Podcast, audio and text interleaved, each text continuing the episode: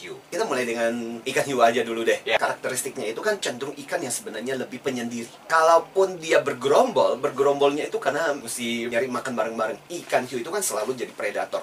Ditakuti, Ya. segala sesuatu pasti dimakan. Bahkan teman aja bisa dimakan sendiri gitu sama Ya. dia. Jadi kalau kita bicara tentang ikan hiu ini, berarti kita bicara mengenai tipe jenis karyawan yang berusaha mengambil segala sesuatu untuk kepentingan dia. Kalau dibagi lagi, ciri karyawan ini ada dua. Tipe ikan hiu yang pemarah, yang perusak, itu kelihatan lah tiap hari datang, marah-marah, kesel, jengkel, emosinya, dan segala sesuatu selama itu berguna buat gue, maka aku akan berada di organisasi untuk mengambil keuntungan sebanyak-banyak untuk kepentingan saya. Akhirnya kemudian jadi masalah juga, apalagi kalau kelak ketika orang ini kemudian menjadi pemimpin atau menjadi leader dalam organisasi. Nah sebaliknya juga ada hiu berbaju lumba-lumba. Awalnya dengan teman-temannya masih baik-baik, Hmm, karena kan hmm. belum dapat power, belum dapat kekuasaan. Tapi nanti kelak ketika dia mendapat wewenang, taring-taringnya udah mulai keluar.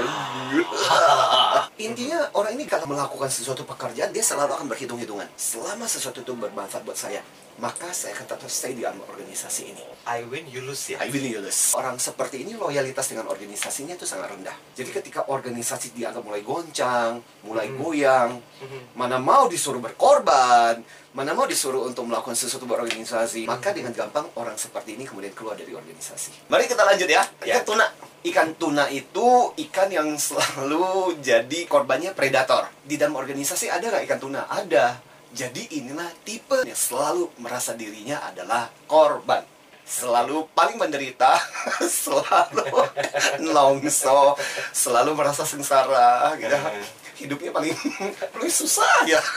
Itulah si ikan tuna tiap kali kalau ketemu mau cerita dong mau curhat dong. Mulai deh. Dan dia mulai akan menyebutkan sederetan persoalan yang dia alami dalam organisasi atau persoalan yang dialami oleh dirinya.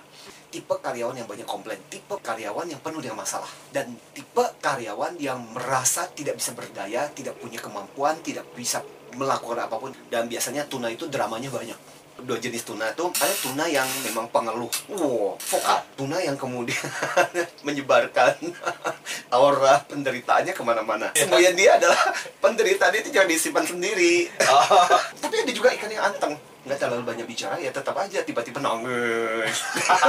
Dan dia selalu merasa bahwa orang lain tuh hidupnya lebih baik kondisinya lebih nyaman situasinya lebih enak. Kadang aku tuh merasa berpikir begini ini orang menikmati kesulitannya dia sehingga akhirnya kemudian mendapatkan simpati dari orang jadi memperhatikan dia jadi pusat perhatian. Tapi lama-lama capek juga kan? Iya, harus mau entertain terus menerus Mhm. karena urusan kerjaan kan orang lain juga punya kerjaan. Mhm. ada urusan lain yang harus diurus. Kalau tiap hari kemudian harus menguatkan dia kan orang energi jadi habis. Ini bukan sebagai sarana Anda untuk melakukan labeling terhadap diri Anda atau labeling terhadap rekan kerja Anda, tapi ini sebagai sebuah bentuk introspeksi diri. Yes, Apakah betul. mungkin Anda masuk ke tiga tipe karyawan yang kita analogikan sebagai seekor ikan? Ya. Apakah hiu, tuna, atau lumba-lumba.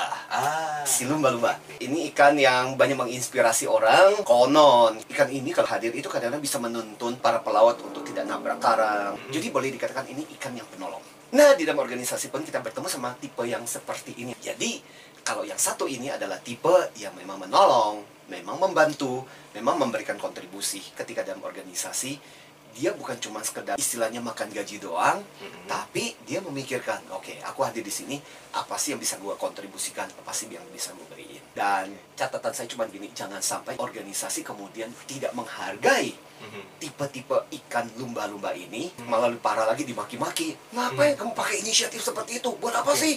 Lama kelamaan akhirnya yang orang-orang bagus mulai berpikir buat apa sih? Ngapain kita berkontribusi? Sudah mulai jadi cuekan. Atau kemudian bisa berubah jadi dua. Entah yang akhirnya kemudian berpikir ya udah kalau begitu caranya udah selama gue di sini apa yang bisa gue ambil untuk keuntungan gue berubahlah dia menjadi ikan hiu atau iya, kemudian iya. dia berpikir kenapa ya di tempat ini gue kan ini dan sebagainya akhirnya kemudian berubah jadi ikan tuna kan Ada tipe tuna, tipe ikan hiu, dan tipe ikan lumba-lumba. Bagaimanakah ciri mereka serta bagaimana menghadapinya? Tunggu, tunggu. Dulu pernah jadi karyawan juga Pak Tony ya? Oh pernah, cukup lama jadi karyawan juga. Jadi posisi Oke. apa? Tuna, hiu, atau apa? Saya kan mulai dari waktu ketika tahun 95 setelah lulus masuknya ke HR. Oh, Hari-hari di iya. Rundung Derita, HRD. Di Rundung Derita. Iya, karena Oke. ngurusin orang bermasalah, ngurusin orang punya problem. Dari situ kita belajar betapa orang itu sebenarnya kategorinya banyak. Apa yang dibahas ini sebenarnya pernah dituliskan juga oleh Shirley Campbell, bukunya From Zero to Zillionaire, bahwa kurang lebih di dalam tim kita ada sekitar tiga jenis orang-orang seperti ini. Ya ada tunanya lah, ya ada ikan hiunya lah, ya juga ada ikan lumba-lumbanya. Sebenarnya dari ketiga ini ada yang bagus, ada yang jeleknya. Jangan sampai kemudian ibaratnya gini, orang ini awalnya adalah tipe kategori ikan yang bagus, tapi karena salah treatment, karena sikap kita, karena perilaku kita di kantor dari seorang pimpinan kepada bawahan yang tidak menghargai kontribusi mereka, sikap mereka yang bagus bukannya dihargai, malah dimaki-maki. Lama kelamaan akhirnya kemudian berubah menjadi bermasalah gara-gara sikap kita juga. Nah, jangan juga akhirnya kemudian organisasi. Justru akhirnya malah mempromosikan tipe-tipe yang bermasalah. Akhirnya kemudian orang berpikir, lah justru yang kayak begitu-begitu yang dipromosikan. Ya udah besok-besok kita aja model seperti itu lagi. Akhirnya kemudian terciptalah sebuah organisasi yang isinya adalah kelompok ikan yang semakin banyak yang model seperti itu. Mulai sekarang kenali orang-orangmu kenali karyawanmu kenali timmu. Hey leaders jangan sampai kita salah mengenali.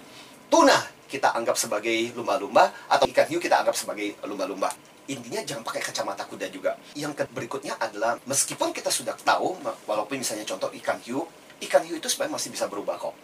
Jadi enggak orang terus menerus di situ. Maka sikapi dengan positif. Tapi ini harus dikasih feedback. Pimpinan harus kasih tahu.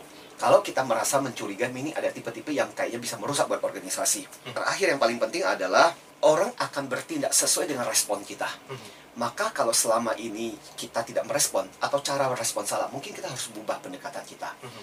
Justru misalnya contoh, jangan sampai kemudian yang tadinya lumba-lumba mhm. berubah menjadi ikan hiu karena perlakuan kita yang salah.